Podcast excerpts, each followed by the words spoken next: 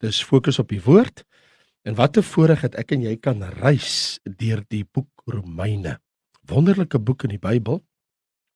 Word beskou as die grootste literêre stuk wat ooit geskryf is. As jy kyk na argumente van Paulus in die boek Romeine. En vir hierdie week het ons gekyk na daar is 'n God in die hemel wat sien wanneer hy na die mensdom, die heidense mensdom kyk. Nou wil ek met jou uit Romeine 2 praat oor daar is 'n God in die hemel wat sien en wat sien hy wanneer hy kyk na sy volk die volk Israel uit die geslag van Abraham, Isak en Jakob wanneer God na Israel of na die Jode kyk. So ek lees vir jou in Romeine hoofstuk 2 uh, vanaf vers 1. Daarom is jy o mens wat oordeel wie jy ook mag wees sonder verontskuldiging want waarin jy 'n ander oordeel oordeel jy jouself want jy wat oordeel doen dieselfde dinge En ons weet dat die oordeel van God na waarheid is oor die wat sulke dinge doen. En meen jy o mens wat hulle oordeel wat sulke dinge doen en dit self doen dat jy die oordeel van God sal ontvlug? Of verag jy die rykdom van sy goedertierenheid en verdraagsaamheid en lankmoedigheid omdat jy nie besef dat die goedertierenheid van God jou tot bekering wil lei nie, maar ooreenkomstig jou verhardheid en onbekeerlike hart vergader jy vir jou toren as 'n skat in die dag van die toren en die openbaring van die regverdige oordeel van God wat elkeen sal vergeld na sy werke. Aan die wat deur volharding in goeie werke heerlikheid eer en onverganklikheid soek die ewige lewe. Maar aan die wat eie sinnig en aan die waarheid ongehoorsaam is grimmigheid en toren oor die Jood eerste en ook vir die Griek maar heerlikheid en eer en vrede vir elkeen wat goed doen vir die Jood eerste en ook vir die Griek. Want daar's geen aanneming van die persoon by God nie. Want almal wat sonder wet gesondig het sal ook sonder wet verlore gaan. Almal wat onder die wet gesondig het sal deur die wet geoordeel word. Omdat nie die hoorders van die wet by God regverdig is nie maar die daders van die wet geregverdig sal word. Want wanneer die heidene wat geen wet het nie, van nature die dinge van die wet doen, is hulle vir hulself 'n wet, al het hulle geen wet nie, omdat hulle toon dat die werk van die wet in hulle harte geskrywe staan, terwyl hulle gewete saamgetuienis gee en die gedagtes mekaar onderling beskuldig of ook verontskuldig in die dag wanneer God die verborgde dinge van die mense deur Jesus Christus sal oordeel volgens my evangelie. Jy dra die naam van Jood en jy steun op die wet en jy beroem jou op God. Nee, hy is 'n Jood vers 28 wat dit in Openbaar is nie, maar in die besnydenis nie, maar hy is 'n Jood wat dit in die verborgenes in die besnydenis van die hart in die gees nie na letter nie. Sy lof is nie uit mense maar uit God. Dit is 'n hele mond vol van Paulus hier in Romeine hoofstuk 2. En hier is die punt. Die punt wat hy wil maak is toe hy die brief skryf aan die gemeente in Rome, 'n gemeente wat hy nie begin het nie, hy het nie die gemeente gestig nie. Hy was nog nooit daar nie. Hy ken wel mense daar in die gemeente 26. As jy kyk na hoofstuk 16, noem hy 26 name van gemeentelede wat hy ken wat in die gemeente is, maar hy was nog self nog nooit daar nie. En wat hy nou gedoen het hier in hoofstuk 2, hy wil vir ons sê wanneer die God van Abraham, Isak en Jakob, die drie aardsvaders, wanneer hy kyk na sy volk Israel. Wat sien die Here? En wat Paulus sê, hy sien die hele Joodse wêreld is ook skuldig. Dis nie net die heidene nie, ook die Jode. Nou dit moes nog al 'n skok gewees het vir hulle om dit te hoor. Want ek bedoel, die Jode dink hulle is in die bevoordeelde posisie as die verbondsvolk, die God van Abraham, Isak en Jakob. En Paulus sê vir hulle, "Hey, julle is ook onderworpe aan die toornoordeel van die Here." En om regtig te verstaan wat hier aangaan, kom ek sê vir jou. As jy weer Romeine 2 lees en jy vervang die term Jood vir 'n oomblik met die term moralis of dan godsdienstige mens. Want die moralis, die godsdienstige mens, hy dink nie daaraan dat hy behoefte het aan God se vergifnis nie. In sy oë leef hy volgens 'n stel reëls en hy onderhou dit en dit vry waarom van God se oordeel in die hel. Regtig. dink jy dat jy so kan lewe en jouself kan regverdig? Want jy sien, die Jode het hierdie stigma van 'n selfgeregtigheid. Jy kan mos sien, hy sê jy wat 'n ander oordeel, maar jy staan ook mos onder die wet. Of dink jy want jy verag God se rykdom van sy goedertierenheid en jy leef self soos jy leef in die verhardheid van jou eie onbekeerlike hart? Hy sê vir hulle julle maak 'n baie groot fout omdat julle dink julle is beter as ander mense. Julle is net so skuldig in die oë van die Here. Julle sê julle ken die wet, maar julle is ook skuldig aan die verbreeking van die wet. So hierdie moralistiese wettiese Jode, hulle probeer God speel oor die heidene terwyl hulle self skuldig staan voor God. Hulle het hierdie posisie van selfregverdigheid in plaas van hulle bekeer van die eie verhardheid van hulle harte. Want wat Paulus nou sê is hy sê onthou die God van wie ons praat is 'n onpartydige God. Hy sê God oordeel elke mens na sy werke. Hy sê daar's geen aanneming van die persoon by God nie. God is 'n onpartydige God. Want hoe sal God anders die wêreld oordeel? Vra Paulus. In ander woorde, God oordeel alle mense op grond van en nou gee ons 'n lys van ten minste 3-4 dinge wat hy onder ons aandag bring. Eerstens, diegene wat sonder wet lewe. Aan die ander woorde, jy het nie 'n wet nie. Jy het nie 'n Bybel nie. Jy weet nie wat God se wet is nie. Hy sê in vers 12, almal wat sonder die wet gesondig het, sal ook sonder wet verlore gaan. Dan sê hy, hier's 'n tweede groep. Vers 12. Almal wat onder die wet gesondig het, sal deur die wet geoordeel word. In ander woorde, of jy sonder die wet is en of jy onder die wet is. Nou gaan nog 'n trappie verder. Hy sê ook diegene wat die wet in hulle hart het. Hy sê want wanneer die heidene wat geen wet het, van nature die dinge van die wet doen, toon hulle die wet in hulle hart geskrywe. So al staan dit nie op papier nie, al staan dit nie op 'n kliptafel nie, al is dit nie in 'n boekvorm geskrywe nie. Hy sê in jou hart weet jy wat is reg en verkeerd. En dan gaan hy nog 'n tree verder. Hy sê en dan sal God ook mense oordeel in vers 16 deur die evangelie, die Nuwe Testament wat jy van Jesus gehoor het.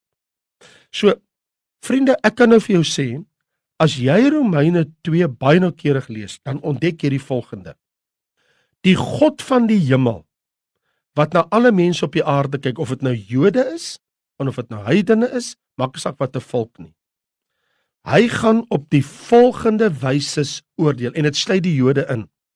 1 die wet. Die geskrewe wet van God. Ander woorde, die Ou Testament. Die Ou Testament word ook genoem die wetboeke van God of die Torah, die Genesis, Exodus, Levitikus, Numeri, Deuteronomium, die eerste 5 boeke van Moses. En daar is 613 wette in die Ou Testament. Daai 613 wette, 10 van hulle is die 10 gebooie. So as ek die 10 gebooie uithaal, dan sal nog 603 ander wette in die in die eerste 5 boeke van die Bybel. Dis hoekom die Bybel praat van die eerste 5 boeke as die Torah, ander woorde die wet of dan die wetboeke, want as ons nou 5 is julle saamvoeg van Moses. So, hier is 'n vraag. Het jy 'n Ou Testament gehad? Het jy 'n wetboek gehad? Dis die een vraag. En die tweede vraag is wat van die evangelie van Christus? In ander woorde, waar's die evangelie opgeteken in die Nuwe Testament?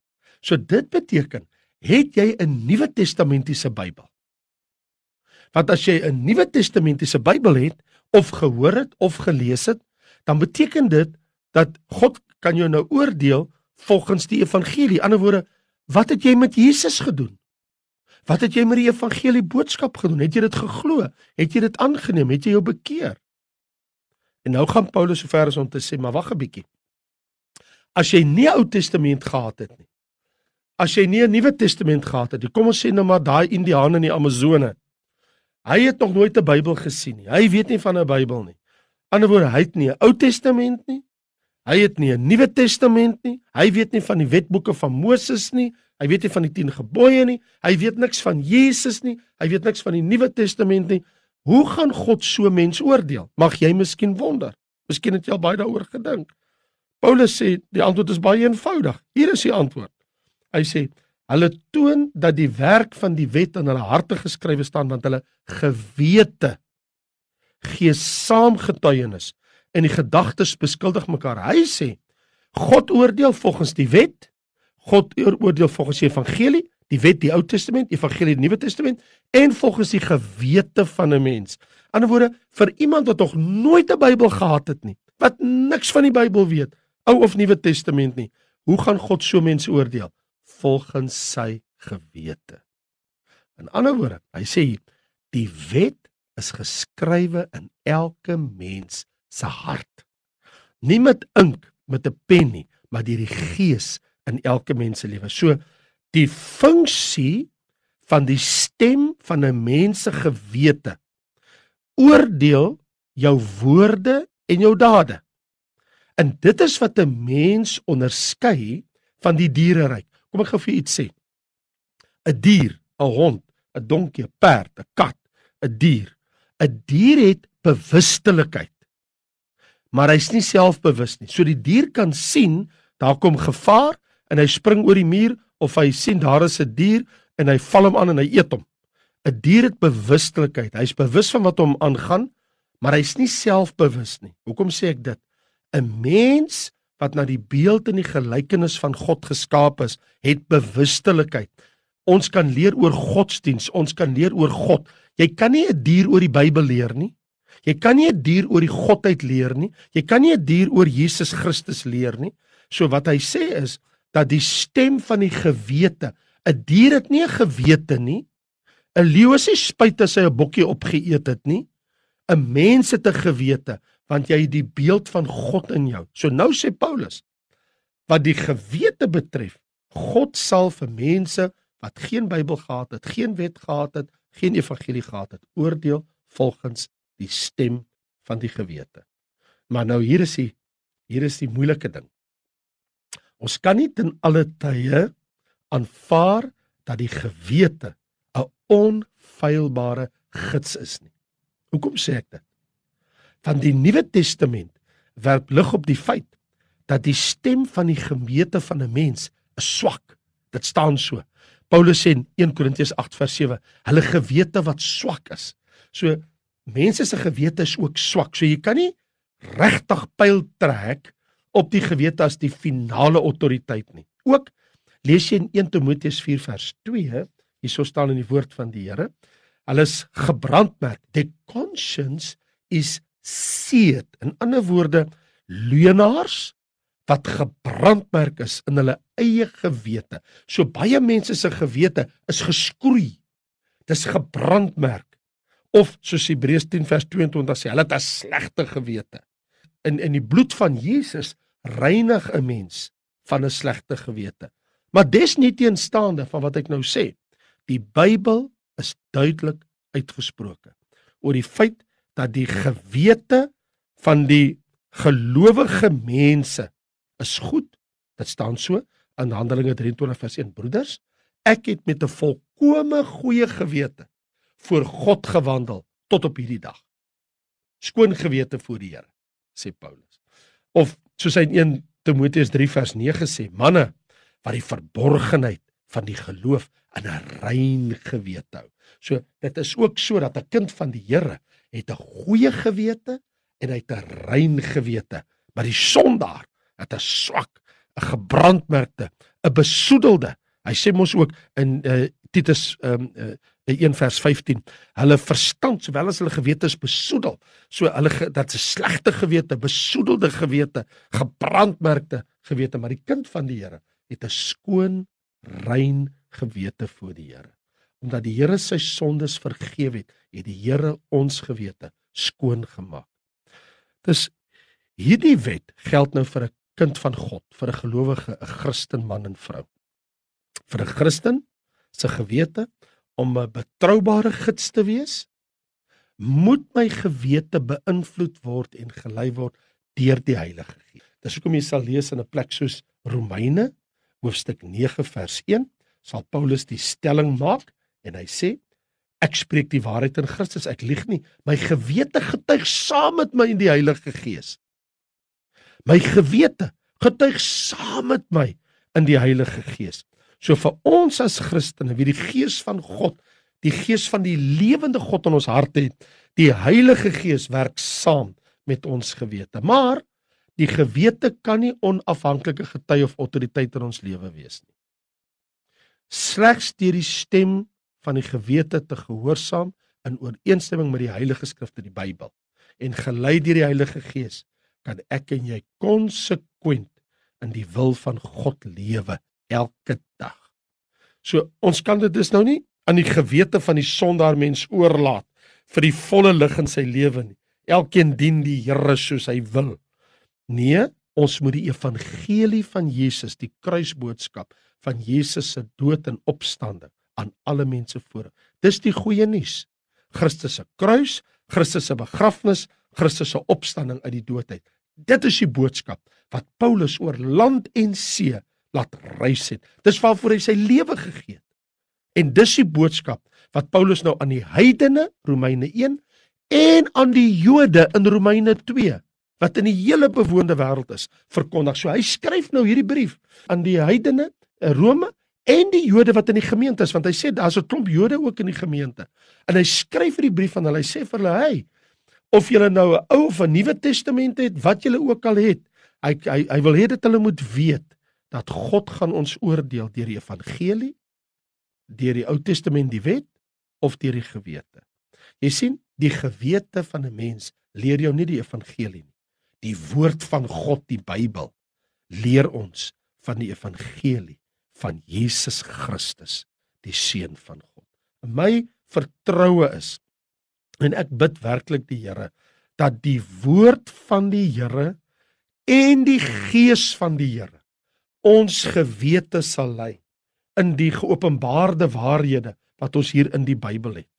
Dan kan ek en jy God dien in gees en in waarheid. So mag die Here ons bewaar uh, om ander gelowiges wat 'n swak gewete het, hulle gewete seer te maak. Mense wat nog nie sterk gegroei het in die woord. En daarvoor het ek en jy nederigheid en 'n liefde en goddelike wysheid nodig om nie ander gelowiges ook wie se gewete swak is na te kom nie. Maar op die einde van die dag weet ek en jy, ons het die Bybel. Ons het die woord van God en hierdie Bybel is ons riglyn. Ja, ja, ons het die stem van die gewete, maar bo dit, ons het die geopenbaarde woord van God in die Ou Testament en ons het die geopenbaarde woord van God in die Nuwe Testament. Ons het die wetboeke van die Here, ons het die evangelie van die Here en ons het die wet wat in ons harte opgeskrywe staan sodat die mens geen verontskuldiging het nie. En miskien antwoord dit nou vandag een van hierdie vrae wat jy in jou hart gehad het altyd van hoe gaan die Here mense oordeel wat nog nooit van Jesus gehoor het? maar hulle die Ou Testament, hulle gaan volgens en onder die wet geoordeel word. Maar mense wat in wat die Nuwe Testament gehad het, hulle gaan deur die evangelie, want Jesus sê ek oordeel jou nie. Hy maar hy sê dan Johannes 12, maar die woorde wat ek tot julle gespreek het, dit sal julle oordeel in die laaste dag. In 'n woorde, wat het jy gedoen met die evangelie boodskap? Bekeer jou maak jou saak reg met God. Die Bybel sê as ek met my mond die Here Jesus bely, as ek met my hart glo dat God hom uit die dood het opgewek het, sal ek gered word. Amen. Kom ons bid saam. Vader, Vader van die geeste van alle vlees. Here, ons wil U loof en U prys en vir U sê, Here, U woord is die waarheid. Dankie dat U vir ons U woord gegee het. Dankie dat U 'n onpartydige God is. Dankie dat U nie aanneemer van persone is nie, maar dat elke mens gelyk voor U staan omdat elkeen geskaap is na die gelykende beeld van God. O Here, gee dat ons sal buig voor die krag van U woord. Gee dat ons in die naam van Jesus sal buig voor u en sal sê u woord het mag, u woord het krag, u woord het gesag en in die naam van Jesus sal buig elke knie van hulle wat in die hemel en op die aarde en onder die aarde is en elke tong sal bely dat Jesus die Here is. Jesus is Lord tot eer en heerlikheid van God ons hemelse Vader wat op die troon sit en regeer oor die ganse skepping, die ganse univers. Dankie Here vir u woord. Dankie vir die stem van die Heilige Gees. Dankie vir die leiding van die Heilige Gees. Here, laat u woord en u Gees ons lei in hierdie land in ons eie lewe in Jesus lieflike naam. Amen. Mag jy 'n rustige aand hê. Baie dankie en totsiens.